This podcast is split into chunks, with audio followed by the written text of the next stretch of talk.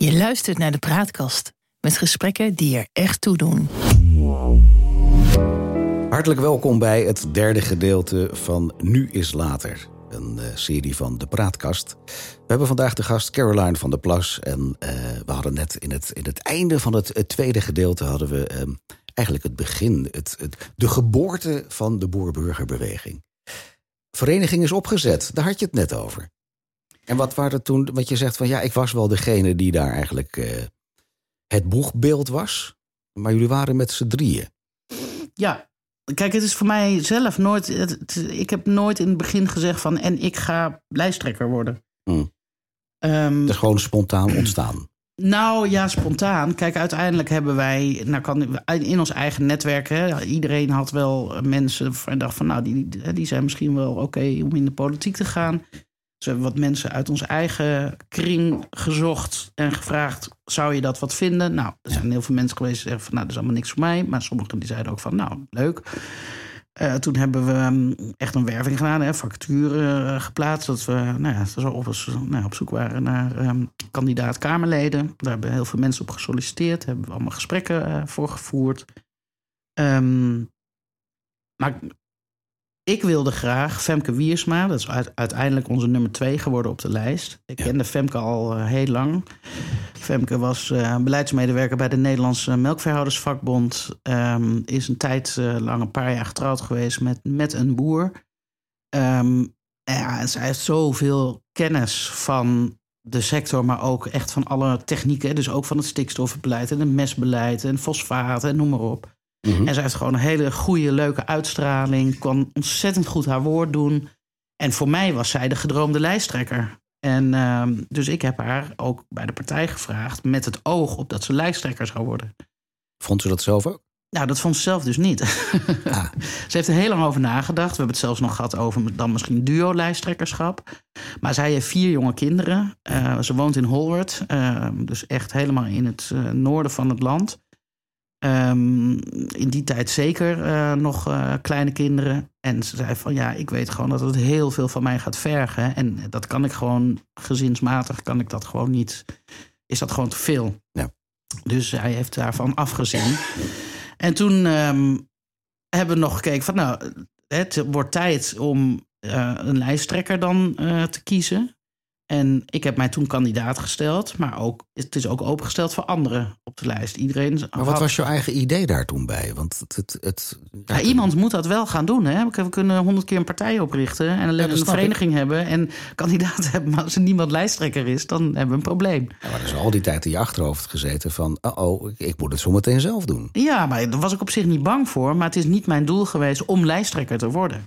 Het was meer dat jij vindt dat daarin de belangen die jij belangrijk vindt... dat die behartigd worden. Daar ging het om. Ja, zeker. En ehm, kijk, ik weet van mezelf ook wel dat ik het kan. Hè? Ik bedoel, ik liep ook al lang genoeg in de sector mee om, om dingen te weten. Maar ook ehm, eh, te weten wat er in dorpen en, en eh, alle, nou, op het platteland allemaal gebeurt. Maar wanneer was voor jou dat kwartje? Dat je dacht van ja, nou dan ga ik het zelf doen. Nou ja, toen Femke definitief nee zei. Dat was echt voor jou het moment Ja. van dan moet ik het gaan doen. Femke zei, ik ga het niet doen. En ehm, toen zei ik van, nou, dan ga ik mijn kandidaat stellen. Want we moeten uiteindelijk wel een lijsttrekker gaan kiezen. Mhm. Ehm, niemand anders heeft zich kandidaat gesteld. Eh, dus uiteindelijk was ik gewoon, werd ik natuurlijk gekozen tot lijsttrekker. En ik zal je vertellen, er is ook, eh, ook nog wel wat kritiek daarop geweest. Niet zozeer vanuit de leden, want die hebben mij gewoon gekozen als lijsttrekker. Maar wel twijfels, weet je wel. Ja, moet Caroline dat dan gaan doen? En, eh, Vanuit wie kwam dat dan? nou ja, gewoon vanuit de achterban. Mensen die hadden niet zoveel over mij. Of die, ja, weet je, ik ben Speelde dat ook een rol dat jij een vrouw bent?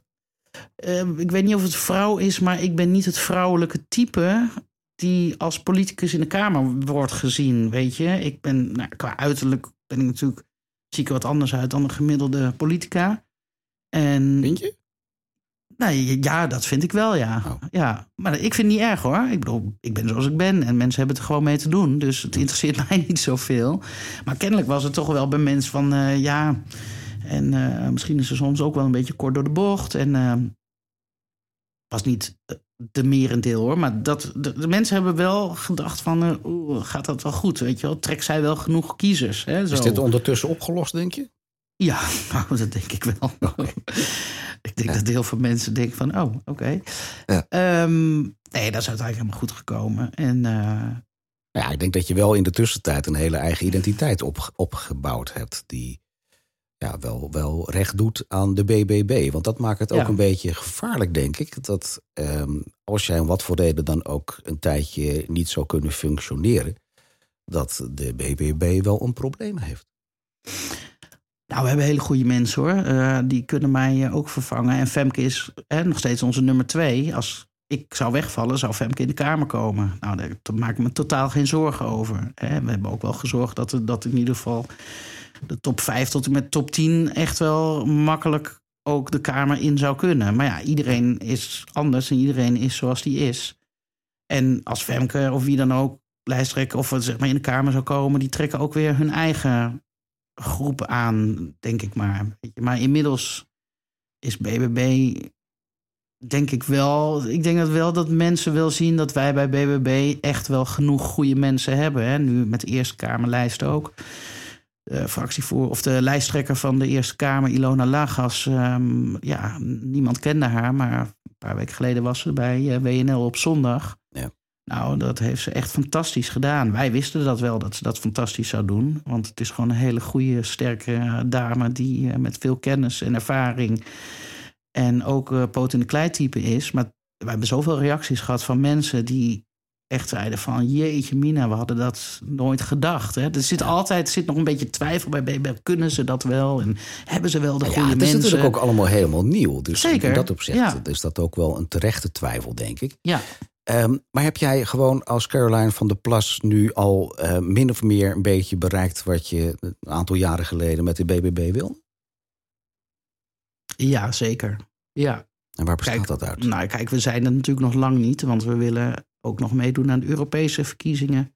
Mhm. Er komen straks nog weer twee nieuwe Tweede Kamerverkiezingen aan. Het is genoeg ambities, zeg maar. Ja, zeker. Wat, wat wij wilden, zeg maar. Hè? Dus een, een stem zijn van en voor het platteland in de, in de politiek, dat, dat hebben we wel bereikt, denk ik. Dus, ehm, en, en ik denk ook sneller dan dat we eigenlijk zelf hadden gedacht. En wij waren eigenlijk nog meer van, nou weet je, dan hebben we één zetel. Misschien bij de volgende verkiezingen een keer twee of drie. Bouwen we het langzaam uit. Maar als je nou peilingen ziet, dan ga je al richting de twintig zetels. Dat is natuurlijk Eh. heel erg veel, hè, als je daarover nadenkt. Ja, zeker. Ja, dat is ook. Maar dat is, een, is niet ons doel. Hè. We hebben niet gezegd, we gaan in de Tweede Kamer. En ons doel is om nu de grootste partij te worden. We hebben wel gezegd, wij denken dat wij ooit de grootste partij kunnen worden. Maar dan over een veel langere periode uitgestrekt. Maar het voelt wel als een enorme verantwoordelijkheid, lijkt mij. Zeker, dat is eh, absoluut eh, waar. Ja. En, ehm, maar ja, nogmaals, kijk, die, die eh, meer zetels in de peiling, dat is een gevolg van de dingen wat wij doen. Hè? Ja. Dat heb ik eerder in een gesprekje ook gez- gezegd tegen je. Het, het, is, het is een gevolg van iets wat je doet. Het is niet voor ons een doel geweest om er naartoe te werken dat wij op 20 zetels in de. Het is niet zo van, oh, nu gaan we dit doen, want dan krijgen we er meer zetels bij. Wij doen dingen en mensen spreken dat aan en die geven in een peiling aan op ons te willen stemmen. Nou, nou eh, snoep je nogal wat kiezers weg eh, van het CDA. Eh, dat is het, het, het Christelijk Democratisch Appel. Ehm, eh, zit er bij de BBB ook een, een, een, een christelijke identiteit, vind je zo? Nee, wij hebben geen christelijke signatuur. We hebben helemaal geen religieuze signatuur. Eh, iedereen is welkom bij ons. We hebben mensen eh, die op de lijsten staan die, die christelijk zijn, die gereformeerd zijn. Maar ook mensen die eh, niet, geen religie aanhangen of een geloof aanhangen. Is dat voor jou persoonlijk een thema? Nee, nee, nee, voor mij niet. Kijk, wij hebben ook gezegd. ehm, als er straks zaken aan de orde komen, ofwel in de Kamer ofwel in de provincies, maar laten we het even op de Tweede Kamer zetten. Dat wij meerdere zetels halen en er zitten mensen tussen die bijvoorbeeld medisch-ethische kwesties lastig vinden. Hè, om, Ja. eh, hè, die meer richting de SGP eh, zouden neigen dan richting, eh, weet ik veel, D66 Ja. wij geven die mensen, zullen we die mensen altijd de vrijheid geven om zelf te stemmen voor iets. Hè? Dus mocht iets aan de orde komen in de Tweede Kamer, medisch-ethische kwestie. Dan vind jij, dan moet iedereen daar toch met zijn eigen geweten voor stemmen zoals hij dat wil. Wij zullen altijd een hoofdelijke stemming aanvragen op die kwesties. Zodat het fractielid zelf kan kiezen of die voor of tegen is. Ja. Want normaal is het bij stemming is het per fractie. Dus ehm, bij die medisch-ethische kwesties zullen we altijd hoofdelijk aanvragen. Normaal is het gewoon stemming per fractie. Hè. Als je één persoon van de VVD zijn hand opsteekt, dan is de hele VVD voor. Bij een hoofdelijke stemming stem je per persoon. Dus, ehm, dus dat zullen wij mensen ook eh, duidelijk aangeven. En ook voor de mensen. Waardoor je mensen zich ook thuis kunnen voelen. Ja. Ongeacht wat voor religieuze achtergrond Absoluut. Dat vind ik heel erg belangrijk. En, maar we zullen ook tegen de mensen die dan bijvoorbeeld heel erg voor zo'n medisch-ethische kwestie zijn. Mhm. En laten we bijvoorbeeld zeggen hulp bij zelfdoding, ik noem maar wat. Hè? Eh, of, ehm, nou, of iets anders, maar laten we dat zeggen. En mensen zeggen, ja, maar ik vind echt dat hè, mensen die hulp wel moeten kunnen krijgen. Hè, natuurlijk heel strenge voorwaarden, dat spreekt allemaal voor, voor zich. Die mensen willen we ook kunnen uitleggen dat een ander fractielid daar waarschijnlijk tegen zal stemmen. Dus we moeten dat heel goed aan onze kandidaten vertellen, zodat je dan niet gedoe krijgt binnen de fractie. Van ja, maar hij is daar tegen en wij vinden dat. Dus en je moet wel. Maar dat betekent dus ook dat je eigenlijk technisch gezien daar ook niet als BBB een, een, eh, een echt standpunt in kunt nemen. Dat je eigenlijk alleen richt op de thema's die de BBB van belang vindt. Maar zodra het over ethische zaken gaat, dan moet je eigenlijk zeggen: ja, daar kunnen we niet echt een standpunt over innemen. Jawel, want wij nemen wel een algemeen standpunt in. Maar komt het aan de orde? Dat, hebben dus, en dat zet je natuurlijk niet in een verkiezingsprogramma. Kijk, onze algemene lijn is dat we bepaalde standpunten voor, bepaalde standpunten tegen hebben. En we gaan niet over elk standpunt zeggen we gaan hoofdelijk stemmen. Want ja, dan, dan heeft het geen zin om een, een partij op te richten. Want dan is het allemaal een soort van ja, wild west. Maar er zijn wel gewoon maar ja, bijvoorbeeld ook legaliseren van softdrugs. Ja, dus dat, zijn, dat zijn echt wel thema's die, waar mensen fundamenteel mee eens of oneens kunnen zijn. Maar dat betekent dus daar het volgende ook. Dat je als BBB, naar mijn beleving, dan niet echt een concreet standpunt daarin kunt nemen. Omdat je je achterban daarin ook erg verdeeld zou kunnen zijn. Maar dat is een politiek standpunt. Ik, ik denk dat we te ver afwijken van wie Caroline is. Ehm, ik krijg de indruk, het, het, het, het gesprek nu helemaal eventjes eh, ehm, als een groot bolletje te mogen zien. Dat je ehm, lekker uit de klei komt, om het zo te mogen uitdrukken. Eh, rauwe ervaringen hebt, om het zo te mogen uitdrukken. Wat jou tot mens maakt wie je als mens bent. En tegelijkertijd ook de BBB een beetje opgericht hebt, omdat je heel slecht om kunt gaan met onrecht. En dat is iets waar je, waar je eigenlijk een beetje de grondslag voor de BBB zit. Je zat aan het werkveld van Ja. alle boeren. Je zag wat die boeren overkwam. En daar kun je inhoudelijk van vinden wat jij vindt. Maar jij zei van ja, maar dit gaat een kant op van, van die mensen worden heen en weer geslingerd van A naar B. En het, het, het, het, het gaat maar door. Dat is een beetje, als ik je mag samenvatten, hoe jij dat ziet. Ja, en eh, vooral ook, en dat zie je op heel veel onderwerpen, vooral ook dat mensen het technocratische beleid, zeg maar, wat in Den Haag wordt gemaakt, dat dat weinig oog heeft voor wat dat met mensen doet. Ja.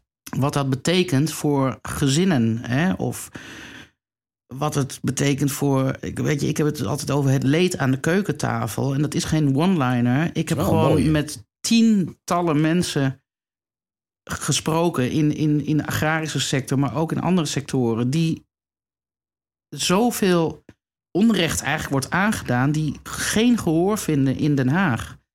En het beleid gaat maar door. En nou ja, dat is in mijn boek schrijf ik dat ook. En dat heb ik van mijn oma geleerd.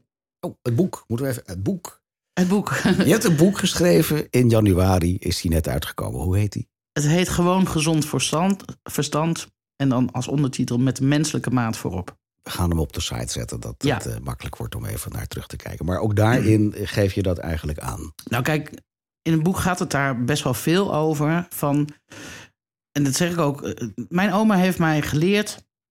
Loop mee met de zwakkeren. Want dan weet je dat er niemand achterblijft. En dat vond ik zo'n mooie uitspraak. Ja, zo is het ook, ja. En dat heb ik in mijn leven zelf ook gehad. Mijn moeder zei altijd: Jij komt altijd met de zwerfkatjes thuis. En dat bedoelde ze altijd. Ik had altijd eh, vriendinnetjes die of uit een eh, gebroken gezin kwamen. of die het thuis ja, toch wat minder goed hadden al, eh, dan ik. Ehm, En dat is niet dat ik een soort van barmhartige Samaritaan ben of zo. Maar, Maar je kon wel goed meevoelen. ik had altijd wel dat gevoel dat ik dacht van ja, weet je, ik heb het goed. En heel veel andere kinderen hebben het niet goed. En ik vond het dan altijd leuk om ze mee te nemen. Of Ja. leuke dingen te doen met ze of zo. Nou ja, dat soort dingen. En dat komt ook wel een beetje voort uit die uitspraak. En die pas ik nu ook heel erg toe in de politiek. Dat ik denk van waarom kijken we niet... Het uitgangspunt moet zijn de zwakkeren. En vanuit de zwakkeren kun je een beleid maken wat omhoog gaat. Maar het is nu vaak een beleid wat eigenlijk voor heel veel mensen wel oké is. Maar die geen oog heeft voor wat doet het dan met mensen die daar niet in kunnen meekomen. Maar wat denk jij dan concreet te kunnen veranderen? Wat, wat als de BBB, eh, ik ga even in de fantasie zitten, zes jaar lang allerlei dingen mag doen. Wat verandert Caroline van der Plas dan? Wat wordt er dan echt veranderd? Nou, mijn uitgangspunt is de overheid is voor de burger en niet andersom. En dat Mhm. moet gewoon altijd, altijd bovenaan staan. Ehm, de politiek nu, of althans hè, het overheidsbeleid nu, is eigenlijk soms wel dat je denkt het is andersom. De burger moet zoveel moeite doen om gehoord en gezien te worden, dat het lijkt alsof hè, eh, de burger er voor de overheid is. Dus ehm, Maar wat merk ik daar dan straks van? dat beleid altijd die menselijke maat heeft. Wij maken bijvoorbeeld, wij maken beleid in Den Haag wat altijd uitgaat van een groep die kwaad wil, zeg maar. Ja. Hè? En daar gaan wij regels, dan gaan we regelgeving maken, omdat er een kleine groep is hè, die misbruik maakt van bijvoorbeeld eh, wet en regelgeving. En een grote groep mensen die wordt daar de dupe van. Nou, het toeslagenschandaal, dat is een, een heel goed voorbeeld daarvan. Ja. Hè, Een kleine groep fraude- fraudeerde. eh, met de toeslagen, daar is beleid op gemaakt. Daar is rigoureus beleid op gemaakt. En een De hele Bulgaren grote. in de tijd. Wat? De Bulgaren in de Precies, tijd. de Ja. Bulgarenfraude. Ja. En als je ziet wat voor leed dat heeft aan, eh, is aangedaan aan heel veel mensen. Ja. Die mensen hebben zich al geroerd jaren geleden. Die werden gewoon niet geloofd. Die werden gewoon niet gehoord. Die werden niet gezien. En wij moeten kijken dat we beleid gaan maken op basis van vertrouwen in de burger. En eh, niet op basis van wantrouwen. Dat zie Maar je... waar kun, je dat, waar kun je dat aan meten straks? Dat dat echt veranderd is. Want je bent nu zelf ook onderdeel van, van dat Haagse sp- spul. Ja, nou kijk, het begint nu, bij mij begint het nu om dat steeds te benoemen. Ja. Ehm, als we kijken, recent hebben we de energietoeslag eh, gehad en het prijsplafond. Ehm, dat is allemaal heel leuk voor mensen die het net kunnen, eh, die dat ook allemaal net kunnen betalen en komen daar goed uit. Maar bijvoorbeeld de chronisch zieken en mensen met een medische aandoening zijn daarin niet meegenomen. Hmm. Die moeten een warm huis hebben. Ja. Die moeten warm douchen. Die kunnen daar niet aan voldoen en die krijgen ook geen gehoor. Want bij de gemeente zegt, zeggen ze in Den Haag van ja, maar ze kunnen bij de gemeente kunnen ze dan extra bijstand aanvragen. Ik zeg, maar dan gaan we er nu alweer van uit dat mensen die een medische aandoening hebben of chronisch ziek zijn, dat ze allemaal in de bijstand zitten. Dat is niet zo, want heel veel mensen werken ook gewoon. Die kunnen niet bij de gemeente terecht. Eh, ja, dan kunnen ze bij de zorgverzekering terecht. Nou, de zorgverzekering zegt tegen een mevrouw met een zuurstoftank die dus hè, heel veel elektriciteit moet gebruiken, die zegt tegen de me- mevrouw met de zuurstoftank: van dan zet u die toch een paar, of een paar uurtjes uit per dag. Ja, Oh ja. die mevrouw gaat dood dan, hè? Mhm. Nee, maar dit is serieus, wordt dit tegen mensen gezegd. Bij de gemeente wordt gezegd: ja, dan moet u toch de thermometer maar wat lager eh, zetten tegen iemand met een spieraandoening. Ja. En die meneer die zegt: ja, maar dat kan ik dus niet. Dat is dus het hele punt. Ik kan dat niet, want ik moet in een huis van 23 graden zitten. Die mensen lopen allemaal vast. En Maar dat klinkt ook een beetje alsof je niet alleen eh, de politiek in wil om, om die thema's te veranderen. Het klinkt bijna verdergaand dat je het systeem wil veranderen zoals het nu in politiek Den Haag gaat. Klopt dat? Nou ja, in zekere zin wel. Ja. En ehm, kijk, de grote groep Nederlanders, en, en die groep is groot, die, hè, die kan rondkomen, die, die heeft het gewoon oké. Ik wil niet zeggen dat ze ook allemaal schatrijk zijn, maar die kunnen meekomen. Ja.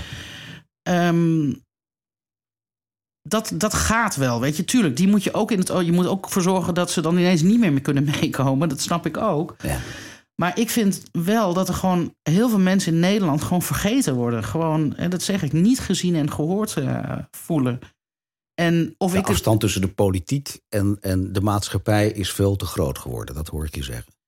zeker. En als die mensen, kijk, heel veel mensen sturen mij mails met allerlei zaken, allerlei ook persoonlijke problemen, particuliere kwesties. ik lees al mijn mails zelf en ik probeer iedereen antwoord te geven. Zeker als ze, als ze mij rechtstreeks benaderen, Mhm. dan krijgt iedereen antwoord. Kijk uit wat je zegt, want je gaat weer wat nodig oproepen nu. Ja, nou ja, Ja. goed, dat zij dan maar zo. Eh, ik word gekozen en betaald door burgers, dus ik neem ze heel serieus. Het feit dat je, kijk, soms moet ik antwoord geven aan ze dat ik ze. Kijk, ik heb geen toverstaf, hè. ik kan niet het beleid ineens veranderen. Nee. Maar ik kan wel hun verhaal lezen en ik kan er wel op reageren. En ik schrijf ook heel vaak wel een mail terug van... goh, bedankt voor het delen van uw verhaal. En nou ja, wat erg en wat afschuwelijk.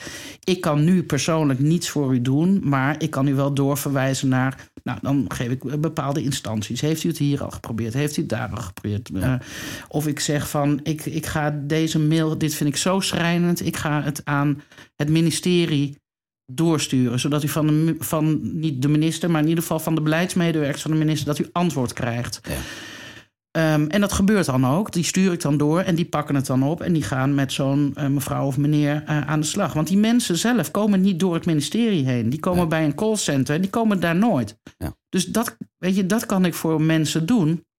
Maar alleen het feit al dat je een mail beantwoordt... dat vinden mensen, Dat, die je, kunnen het bijna niet geloven. dat ze serieus genomen worden. En dat is niet mijn verdienste. Dat ik, ik vind het heel erg dat het zover is gekomen Mhm. Dat mensen zo dankbaar zijn dat je een mail beantwoordt, dan denk ik, maar wat is er dan al die jaren gebeurd? Dat jullie nooit antwoord hebben gekregen. Waarom krijgen jullie geen antwoord? Ja. Dat vind ik zo bizar. Maar is dat iets wat je dan echt essentieel veranderd wil hebben de komende jaren? Dat, dat er gewoon veel meer een verbinding komt met, met, met, met burgers, letterlijk? Wij vergeten de burgers, de dag na de verkiezingen zijn we ze vergeten. En dat zullen heel veel politici zullen. Ik hoop wel dat je realiseert dat je we zegt, hè? Ja, nou ja, we in de zin van ik probeer het niet te doen. We als Den Haag. En heel veel collega-Kamerleden en politici zullen zeggen van oh, wat populistisch. Ja. Maar feitelijk, eh, nou ja, laat ik zo zeggen, zo voelen burgers het wel. Ja. En die hebben echt zoiets, weet je, in de campagne zien we ze weer op straat en folderen. En dan krijg je een roos of een gebakje of een eh, weet ik veel wat, een hebben dingetje. En dan gaan mensen met je in gesprek. En als er verkiezingen zijn geweest, dan zien we jullie nooit meer terug. En dat is wel een beetje zo. Daar hebben ze een Ik, punt. ik, ik weet ook wel echt hoor, er zijn ook echt Kamerleden die veel werkbezoek doen, die ook daar veel inzet op plegen. Maar aan hun zou ik vra- willen vragen: draag dat ook uit? Ja. En kijk, als ik het uitdraag, zeg van oh ja. Oh, kijk, haar is goed zijn. Nee, ik, het gaat mij helemaal niet om van, oh, kijk, mij is goed zijn. Het gaat mij erom dat ik uitdraag dat ik wel voor die burgers sta. Hè, ze kiezen mij, ze betalen mij. Of ja, sommigen kiezen mij niet. eh, dat is ook eh, prima. Maar uiteindelijk betalen alle Voor degenen burgers die jou kiezen. voor degene die mij kiezen. Maar iedereen betaalt mij. Hè? Iedereen via zijn belasting Ja, eh, word jij betaald. word ik betaald. En ik vind je dat je dan gewoon een, eh, een verplichting hebt. eh, en die moet ook vanuit jezelf komen. Niet van, oh, nou, ik word voor ze betaald. Nou, laat ik, nu moet ik dingen gaan doen. Nee, het- je moet dat realiseren. Dat de burger is jouw draagvlak. Zonder die burger ben ik niks. En, nou, en dat wil ik graag, en dat probeer ik ook in mijn boek een beetje duidelijk te maken. Ja, ik, Ik wil dat dat veranderd wordt. Want de grootste crisis die Nederland nu heeft, is de vertrouwenscrisis. We hebben een wooncrisis, een klimaatcrisis, stikstofcrisis, asielcrisis, energiecrisis. Dat is allemaal erg en allemaal belangrijk. Maar de vertrouwenscrisis is de grootste crisis. En dat moeten we aanpakken, want die burger drijft steeds verder van ons af op deze manier. En dat, dat moet echt, dat moeten we stoppen. ik zie een heel bevlogen mens aan de overkant van de tafel zitten. Ja, dit is echt. Dit, als je zegt van heb je een missie, dan denk Ja. ik ja. Mijn missie is ervoor te zorgen dat de burgers weer vertrouwen krijgen in de overheid. Hè? En je- ze zullen lang niet overal altijd alles met alles eens zijn, maar dat hoeft ook niet. Eh, dat, is, dat is logisch. Je kunt het nooit overal. Maar dat ze wel vertrouwen hebben in ons, de politici en in de ministeries en de overheid in het algemeen. Ik vind het een, eh, een heel mooi streven. En ik denk ook eigenlijk dat er geen enkele politieke partij zou zijn die het daar niet mee eens is. Nee, maar eh, kijk, woorden zijn mooi, maar je moet het ook laten zien in daden. Ja. En ik probeer dat in daden om te zetten door steeds te denken van de overheid is er voor de burger en niet andersom. Loop mee met de zwakkeren, dan weet je dat niemand achterblijft. Dat je uitgangspunt is in het leven, dan zal ik ook fouten maken, zeker. Maar dat is wel mijn uitgangspunt. Mooi streven. Dank je. Als ik al die. graag, graag gedaan. Um, als, als ik al dat, al dat vuurwerk aan de overkant zie in jouw ogen. Waar is Caroline van der Plas over vier jaar? Bij leven en welzijn. Bij leven en welzijn, zeker. Um, over vier jaar, dan denk ik dat ik zelf nog steeds in de Kamer zit. Want de rol van volksvertegenwoordiger, Kamerlid die het kabinet controleert, past eigenlijk het beste bij mij. Ik zit niet met de toekomstige minister-president te praten. nee, ik heb totaal geen ambitie om minister-president te worden. Maar nogmaals, ook daarvoor geldt. Als het een gevolg is van dingen die je doet, dan is dat zo. Maar ik werk niet toe naar het worden van minister-president. Je sluit het niet uit? Nou ja, je kan nooit iets uitsluiten in het leven. Maar nogmaals, het is niet iets wat ik zeg van... en over vier jaar ben ik de nieuwe minister-president. Um, Stel dat het zo zou zijn dat ik minister-president zou worden, dan word ik minister-president voor Nederland en niet van Nederland. En ik zal willen, hè, dat, zoals ik er nu tegenaan kijk, ik zou willen dat de minister-president er is voor de Nederlanders en alles wat in het buitenland afspeelt en al dat soort dingen, die kun je overlaten aan een minister van Buitenlandse Zaken. Mhm. Of aan een andere minister hè, als er een andere kwestie is. Minister van Klimaat als het over klimaat gaat. Um, dus dat is een groot verschil. Of je minister-president voor Nederland bent of van Nederland. Ik vind dat ook een hele mooie, hele mooie kreet en een mooi streven ook. Want je maakt hem ook daarmee wat minder politiek gekleurd vanuit de BBB. Ja. Je geeft hem nog steeds aan van, van dat je vindt dat die, uh, die band tussen burger en, en politiek terug moet. De mensen moeten weer zien dat, dat wat ze stemmen, dat daar wat mee gebeurt. Ja. Dat, nou is, ja, dat, dat is jouw streven. Ja, precies. Kijk, als ik zie, en, en natuurlijk, Rutte is een eigen persoon. Die vult de, het ambt. Uh, nee, het is, is het een ambt of een functie? Het is een functie volgens mij, maar goed, dat doet er niet toe. Ik durf me niet te wagen een uitspraak erover. ik weet het niet. Nee, want als kabinetslid word je benoemd en niet gekozen. Dus uh, nee, kijk, en Rutte vult het uh, in zoals hij uh, zoals dat zelf wil. Maar um, ik zou gewoon zelf veel meer in het land willen zijn. Veel meer met hè, de burgers in het land willen spreken. En alle, alle andere dingen kunnen, kan een minister van Buitenlandse Zaken ook af. Ja. Ik hoef niet de hele wereld over te vliegen om met Biden te praten. Of met, weet ik veel, in Indonesië te zitten. Of in Frankrijk met Macron uh, te zitten. Tenzij het ook echt nou, dat ze echt zeggen, weet je, minister-president van Plas, als u er niet bent, dan gaat dit echt falikant mis. Ja. Maar dat gaat vaak niet mis. Het, eh, het is erin gesleten dat de minister-president dus uh, van die dingen doet. En ik vind ook, soms moet je als minister-president zeggen van dit is chefzaggen. Ja. Nou, laten we het daar dus op houden. Als er dingen zijn die chefzaggen zijn, dan is de minister-president daarvoor. En als dat niet echt chefzaggen is, kunnen ministers dat ook nog niet. Dat bedoelt niet voor niks ministers. Die hebben gewoon capaciteiten. Die, die moeten dat zelf kunnen, vind jij? Zeker. En dan moeten mensen in het buitenland maar aan wennen. Dat uh, de chef er niet altijd is. Zo, als dat maar duidelijk is. Ja. Caroline, mag ik jou heel hartelijk danken voor jouw komst naar de praatkast. En uh, je openheid vandaag. Heel graag gedaan. Ik heb een gevoel dat we nog niet klaar zijn. Nee. Wie weet komt er nog een vervolg. Ja. Wie weet. Hey, dank je wel. Oké, okay, dank. De praatkast.